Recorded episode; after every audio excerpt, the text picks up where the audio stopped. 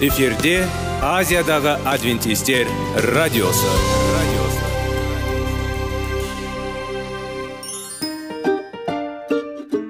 Сәлем достар. Денсаулық өмір бұлағы және біздің бірінші байлығымыз демекші денсаулық сағаты рубрикасына қош келдіңіздер. Біздің рубрикада біз әртүрлі факторларменен мәліметтерменен кеңестерменен бөлісіп шын жүректен сіздердің дендеріңіз сау болғанын қалаймыз. Сол үшін біздің рубрикаға қош келдіңіздер. Дайындалып тұрыңыздар. Өйткені келесі минуттарда қызықты фактілерге ие боласыздар. Енді достар ең бірінші байлығымызды қолымызға алып алға кеттік.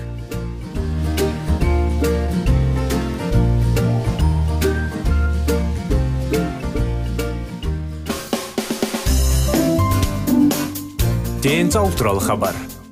Денсаулықтың ашылуы. Күн сайын сөз үшін күшті кеңестер соңғы жаңалықтар қызықты факторлар. Біздің рубрикада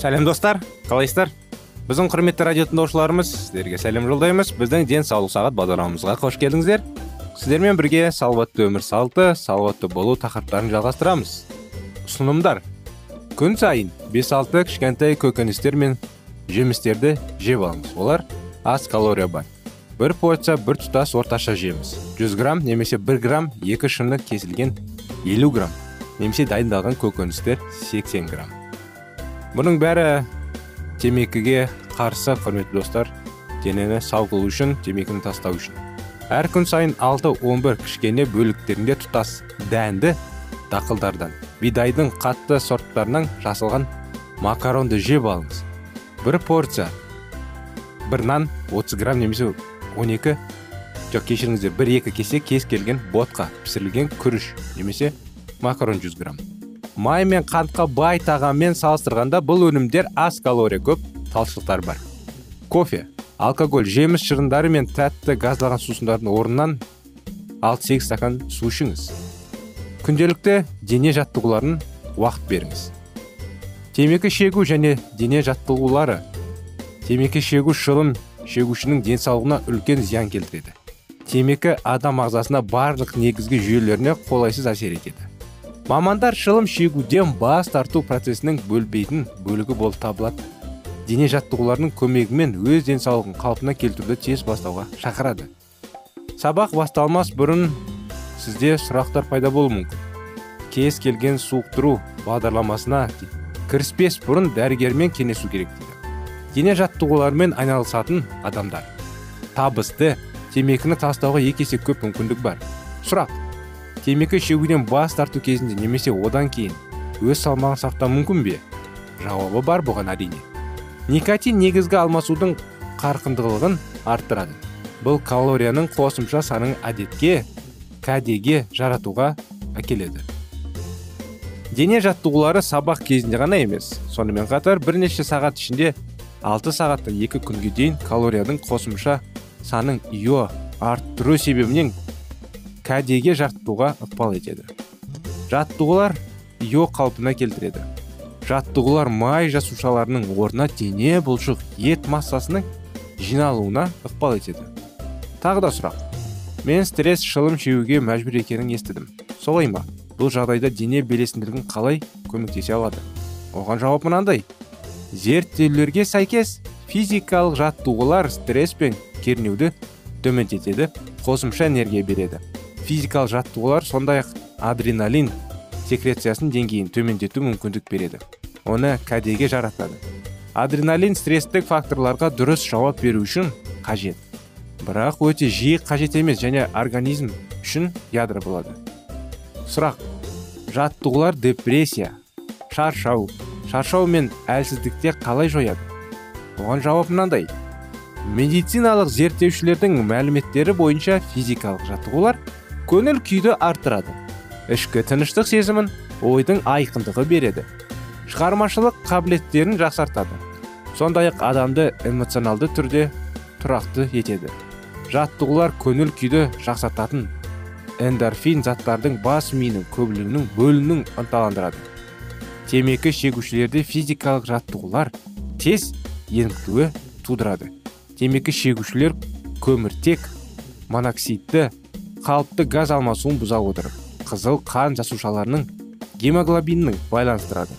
Тұрақты қабақтар сабақтар ақыл ой және дене төзімділігін арттырады. Жаттығулар ұйқы мен демалыс сапасын жақсартады.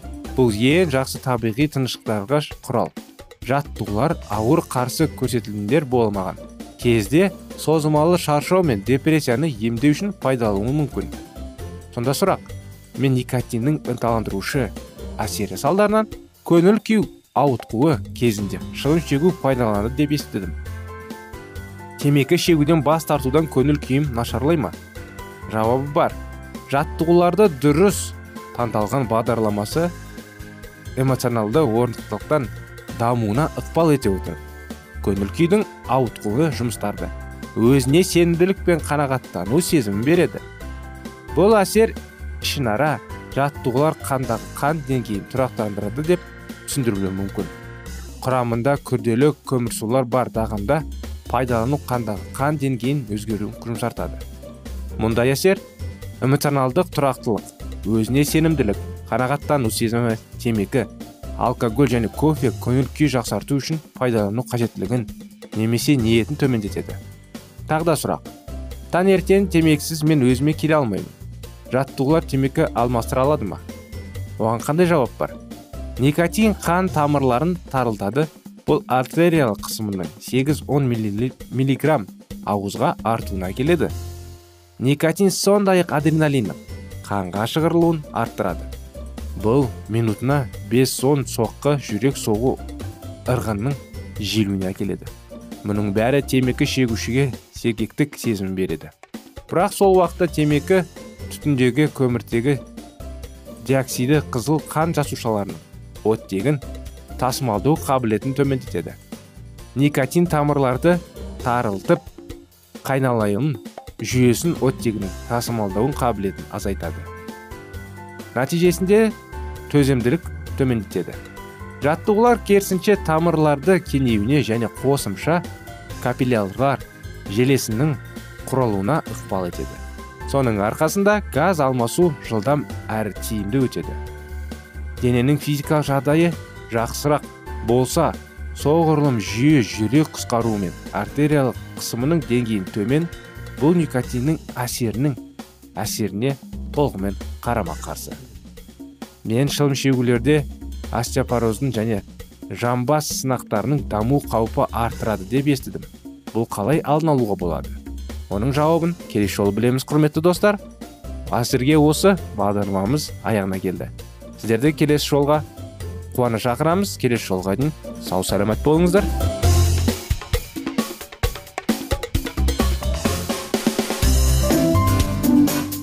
Денсаулық туралы хабар денсаулықтың ашылуы күн сайын сөз үшін күшті кеңестер соңғы жаңалықтар қызықты факторлар біздің рубрикада.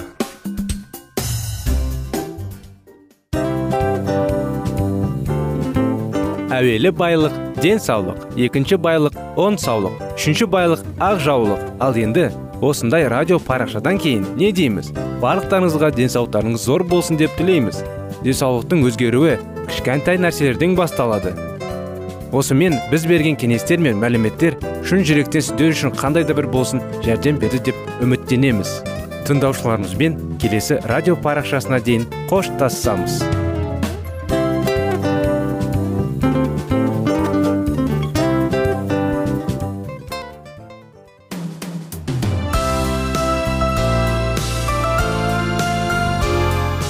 эфирде азиядағы адвентистер радиосы. Радиосы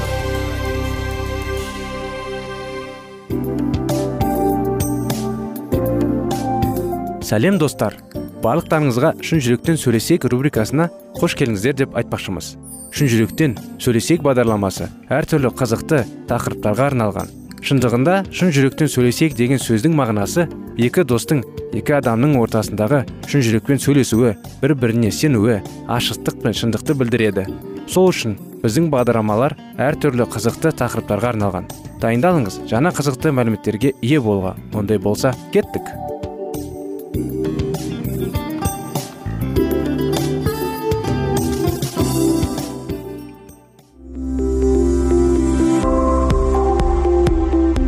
Алтын сөздер. Сырласу қарым қатынас жайлы кеңестер мен қызықты тақырыптар. Шын жүректен сөйлесейік рубрикасында.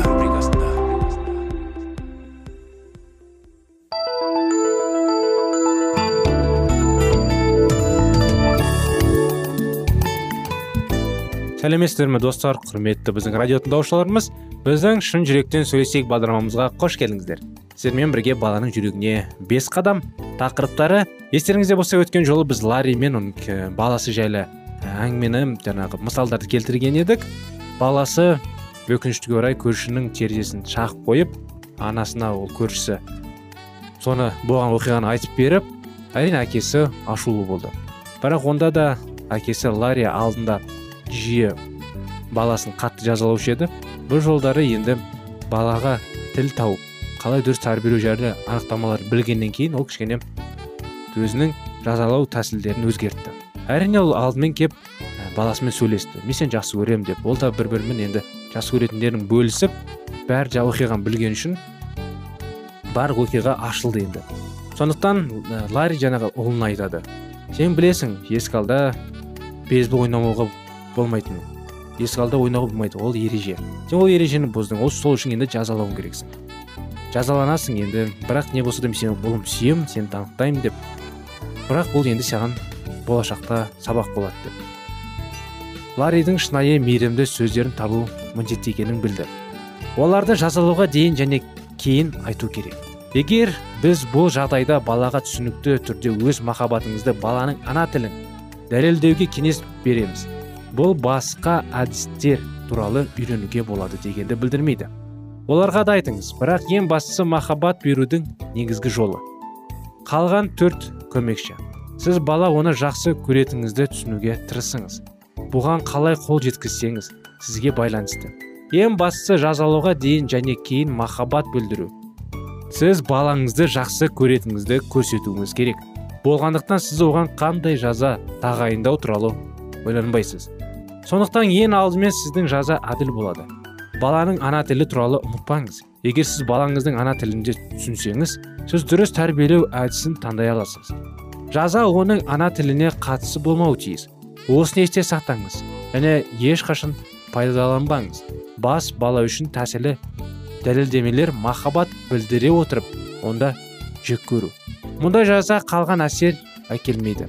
Ол балаға ауырады. Мүмкін сіз оған көмектескіңіз келеді. Оның мінез құлқын түзеп оны махаббатын жасады. Бірақ сол түсінбейді. Ол оны ренжіткісі келетінін түсінеді. Мысалы бала сіздің сүйіспеншілігіңізді көтермелеу сіздері арқылы жақсы сезінеді. Ал сіз оларға риза болған кезде дауысты жоғарылатасыз құрт айтасыз. Сіз оны тәрбиелейсіз деп ойлайсыз. Оған оның мінез құлқының жағымсыз екенін түсінесіз. Сіздің балаңыз алайда оның мінез құлқы ғана емес өзі де жағымсыз деп санайды. Тұрақты сын мен дөрекелік кез келген балаға зиян келтіреді. Бірақ бұл тіл ана тілі үшін оларға ауырады.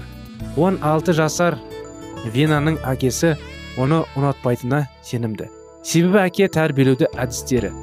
Әкесі үнемі балаға айқайлап оны қорлайды. Венаның бұл сөздерді ешқашан ұмыта алмайды. Міне ол былай деп айтады. Маған біреудене істеу керек. Ол сындыра бастайды. Ол мені ұрса бастайды ғана емес бір күн ол маған ұлы емес себебі оны ұлы осындай масқара болуы мүмкін емес деді. Мүмкін ол дұрыс мүмкін мен оның ұлы емеспін білмеймін. Мен білетін жалғыз нәрсе ол мені ұнатпайды. Одан әрі әңгімеден ана тілі вена үшін марапаттау сөздері анық болды. Әкесі ұлына наразылық білдіруді қаласа онымен күрт сөйлескен кезде ол оның ата ана махаббатына деген сенімін үзді. Сақ болыңыз. Егер сіздің қызыңыз үшін сіздің махаббатыңыздың білдіру тәсілі уақыт болса оның назарынан айырдың қажеті жоқ. Айталық бұршақта ол тапқан кез келген рет қою. Егер біздің махаббатыңыздың сіздің махаббатыңыздың білдіру тәсілі жанасу болса оны еркелетіп айыруға болмайды. Он жасар эрик үшін жанасу махаббат білдіру тәсілі. Анасымен өзара түсініскізі толық. Ол өзі осы тілде сөйлейді. Және эриктің қалжыңдап онымен күрескенде мойынға секіреді. Ол онымен бірге оны сүю ұнайды әкесімен бірге басқаша ол балаларды белбеумен тәрбиелеген отбасында өсті және дене жазасы тәрбиенің ең табысты түрі деп санайды. Жоқ ол эрикті ұрмайды бірақ бала шалғанда әкесі оны соқыр ете алады. Әрине ол ұрып соғуға тырысады. Эрик тіпті тереңдегі іздері жоқ. Бірақ бала жылайды. Және мұндай тәрбиеден кейін ұзақ уақыт бойы сене алмайды. Әкесі өзінің бейқамдығын білдіру үшін ұлының ана тілін пайдаланатынын түсінбейді. Демек ерик оны жазалайды себебі ұнамайды ол. Баланы қуып әкесі ешқашан жұбатуға тырыспайды. Құшақтайды немесе сүйеді. Ол бұл ыңғайсыз болар еді. Өйткені эрик жазаланды. Эриктің әкесі ұлын дұрыс тәрбиелейтініне сенімді. Ол өз қолдарымен олардың арасында қабырғаны таңдамайтынын түсінбейді. Біз ата аналар жазаның мақсаты жаман мінез құлықты түзету және балаға өзін өзі тәртіпті тәрбиелеу екенін ұмытпауымыз керек. Егер оны жаман мінез құлық үшін жазалауды қаласа біз бала үшін ең бастысы махаббат білдірудің қандай тәсілі екенін ескергенбіз ол оны ұнатпайды деп санайтын болады. Ол сіздің махаббат сезінгенде тәрбие әлде қайда тиімді болады. Баланы жазалаған кезде дұрыс жазалау керек. Жазалау тәсілдерін білу керек құрметті достар. Әшейін әшейін баланы жазалау болмайды. Көп адамдар әрине ата аналары кішкентай кезінен оларды жазалап өсірді. Бір қателіктері үшін бір нәрсе ұнамаған үшін әрине әрдайым жазалайды. Оның бәрін олар өздеріне сіңдіріп кейін болашақта өздерінің балаларына сөйтіп тәрбиелейді. Ең дұрысы баланың тілін түсіну керек. Балаға қалай жол табу керек екен қалай оған түсіндіру керек екен қалай дұрыс қалай бұрыс не болады не болмайды жайлы. Бала ол да адам ғой бірақ кішкентай. Әсіресе сол кішкентай болған үшін оған ерекше тіл тауып ерекше қадамдар тауып тәсілдер тауып оған түсіндіріп түсіндіре білу керек. Осындай кеңестер бүгін құрметті достар. Жазалау жазалауға болады әрине бірақ жазалаудың тәсілдері бар. Ол тәсілдер жайлы әрине кейінірек тағы білерміз. Осымен бағдарламамыз бүгін аяғына келді. Сіздерді келесі жолға шақырамыз. Келесі жолға дейін сау болыңыздар.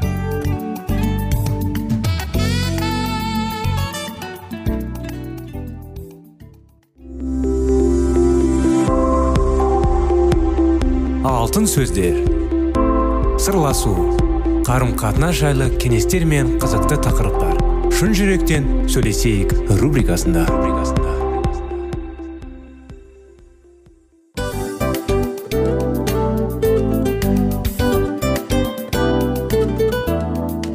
Құрметті достар барлық ең соңғы кеңестер аяқталған соң біздің программамыз соңына келіп қалды. Осы біздің мәліметтер осы рубрикада айтылған әрбір сөздер сіздерге өзінің қандай да бір пайдасын алып келді деп шын жүректен сенеміз. Және бұдан да көптеген рубрикаларымыз бар. Басқа рубрикаларымызда біздің зерттеулерімізде сіздер үшін тағы да қызықты мәліметтер дайын. Біздің шын жүректен сөйлесейік парақшамызда көптеген әдістер ең соңғы кеңестер адамның нравственность жақтан моральдық жақтан тазалап байыта тұрған соңғы кеңестердің барлығын жанарады. сондықтан алдыңғы күндерде бізбен бірге болыңыздар. Өйткені барлық қызықтар алдыда. Бізбенен бірге болғандарыңызға үлкен рахмет. Келесі кездескенімізше сау сәлемет болыңыздар.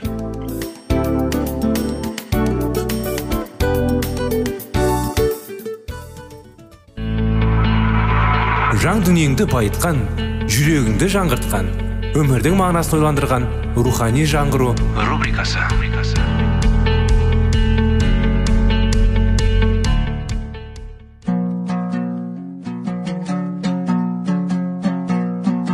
Ассалаумағалейкум біздің тыңдаушыларымыз.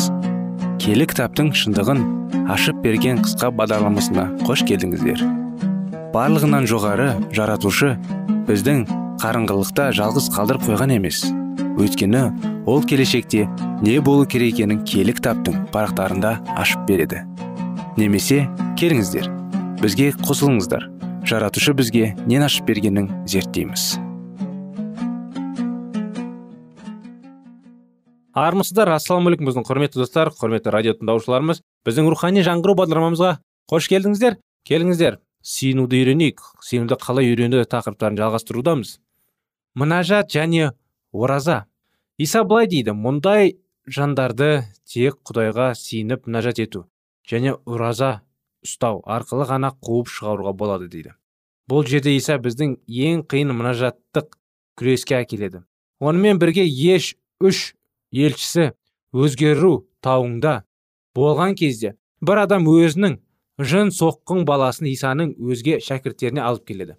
Олар баланың бойынан жынды қуып шығуға тырысты бірақ қолдарынан ештеңе келмеді. Ал иса қайтып оралған кезде ол кісі ұлын исаға алып келді және иса баланы сауықтырды. Исамен онаша қалған кезде шәкірттер одан өздерінің жынды неге қуып шыға алмайтынын тура сұрады. Сонда иса оларға былай деді мұндай жындарды тек құдайға сиініп мұнажат ету және ораза ұстау арқылы ғана қуып шығаруға болады дейді. Мұнажат пен оразаның арасындағы байланысты қарастырмас бұрын бізге ораза дегеннің не екенін қысқаша түсіндіре кету қажет. Ораза ұстау бұл қысқа немесе ұзақ мерзімге ішіп жеуден бас тарту. Ораза израильде заңдастырылған. Бүкіл халық жылына бір рет ораза ұстауға тиіс болды. Тұтқынға алынғаннан кейін оразаның түрлі күндерлі белгіленді паршылар тіпті аптасына екі рет ораза ұстады. Бұл еврей сөзі қасиетті құдайдың алдында жанының мойынсұнушылықпен өкіну дегенді білдіреді. Сол сөзбен халық құдайға жылдық есеп беретін ұлы ақталу күнінде және халықтың басқа күн туға көзінде ораза ұстай бастайды. Иса оразаны жоққа шығармайды бірақ ол оны көне өсеттің заңды міндетіне жаңа өсеттің еркіндігіне өткізеді. Ораза бұл оны ұстауға ішкі қажеттілік болған кезде атқарылатын сыртқы әрекет. Мұның сыртында иса ораза туды адамдарды алдында өзінің сенуші екенін жариялау үшін пайдаланудан сақтандырады. Сонымен бізге ораза ұстау қажет пе? Кейбір осы сұрақ толтырады толғандырады. Олар оразаны көне өсет заңына негізделген тек қырт сөзге тақуа түр көрсететін католиктер секілді жария қылып сырттай орындау деп санайды. Бірақ та оразаның азат інжілші мәсіхшілерге қажет оларға мүлде жат тіпті мүмкін емес ол секілді болып табылады.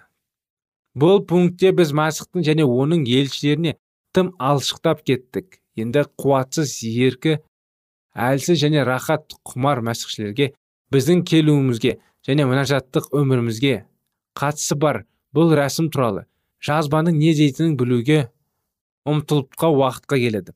Ораза бұл тек ауыз бекіту емес. Ораза ұстау тамақ жеу сусын ішу ұйықтау демалу адамдармен араласу және тағы басқа секілді өмір қажеттіліктеріне өз еркімізбен мақсатты түрде бас тартуды қадірлейді.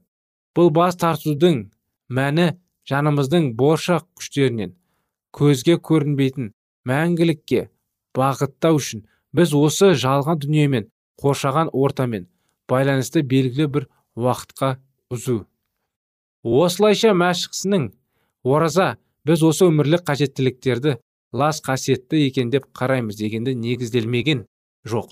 Біз елшімен бірге ешқандай астық арам емес екеніне сол тамандарда шүкірлік ете отырып жеуіміз үшін құдайдың өзі жарататыны туралы білдік.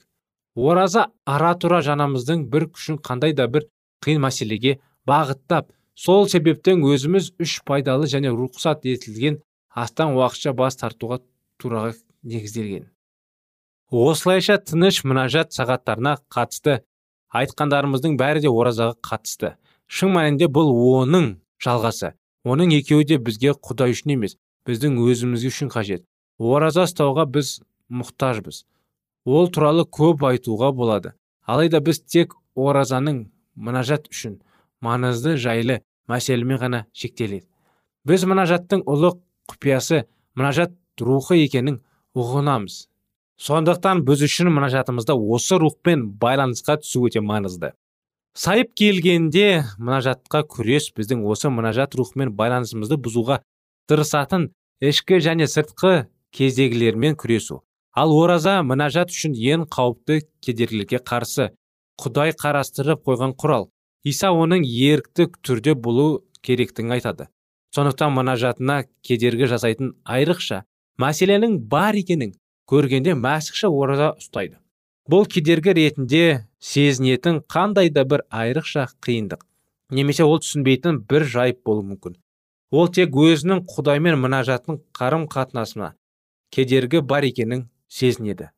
Өзінің сыртқы дүниеге көңілін алуға жанын жалған дүние мен төңірегінен бір мезгіл үзіп сол арқылы киелі рухтың ішкі дүниесіне нұрын түсіріп оның мұнажат рухын несімен ренжіткенін көрсетіп беруіне онымен кездеріксіз байланысты қайта қалпына келтіруіне және құдайдың құдіретінің аясында болуға мүмкіндік беру үшін ол ораза ұстайды. Ал енді біз мәсіхші ораза ұстауға әкелетін кейбір жағдайлы қарастырайық. Біріншіден бұл айрықша азғырулар кезеңі. Шомылдыру рәсімін өткеннен кейін бойына келі рух қонып қызметтің бастарында келі рух исаны шайтанның сынағаны өту үшін айдалаға алып барған кезде ол ораза ұстады. Ол ұзақ уақыт қырық күн бойы ораза ұстады. Азғырушылықпен күресуге күреске иса осылай салмақты қарады. Өзіміздің азғыруларға қаншалықты жеңілдікпен қарайтынымызды біз осыған қарап түсіне аламыз. Осылайша шайтанмен күрес алдында ораза арқылы жанды жинақтауға тырысу күнәсіз иса да таныс болды. Сондай ақ біз құлазға далада бес мың адамды тамақтандырған кейін халық оны өздеріне патша етіп сыйламақ болған кезде де исаның басқаша және қысқа болса да ораза ұстаған көреміз. Көктегі әкесіне оңашада сиынып осы жерде де соңынан қалмай жүрген дұшпанмен күреске күш алу үшін ол түнгі ұйқыдан бас тартты. Кейде бізді азғырулар мендеп алса бұл біздің азғырушыға қарсы қаралу үшін ораза арқылы құдайға жақындауды іздемейтіндігіміз. Мінекей құрметті достар осындай анықтамалар әрине тақырыптың жалғасын келесі жолы жалғастырамыз. Келесі жолға дейін сау болыңыздар.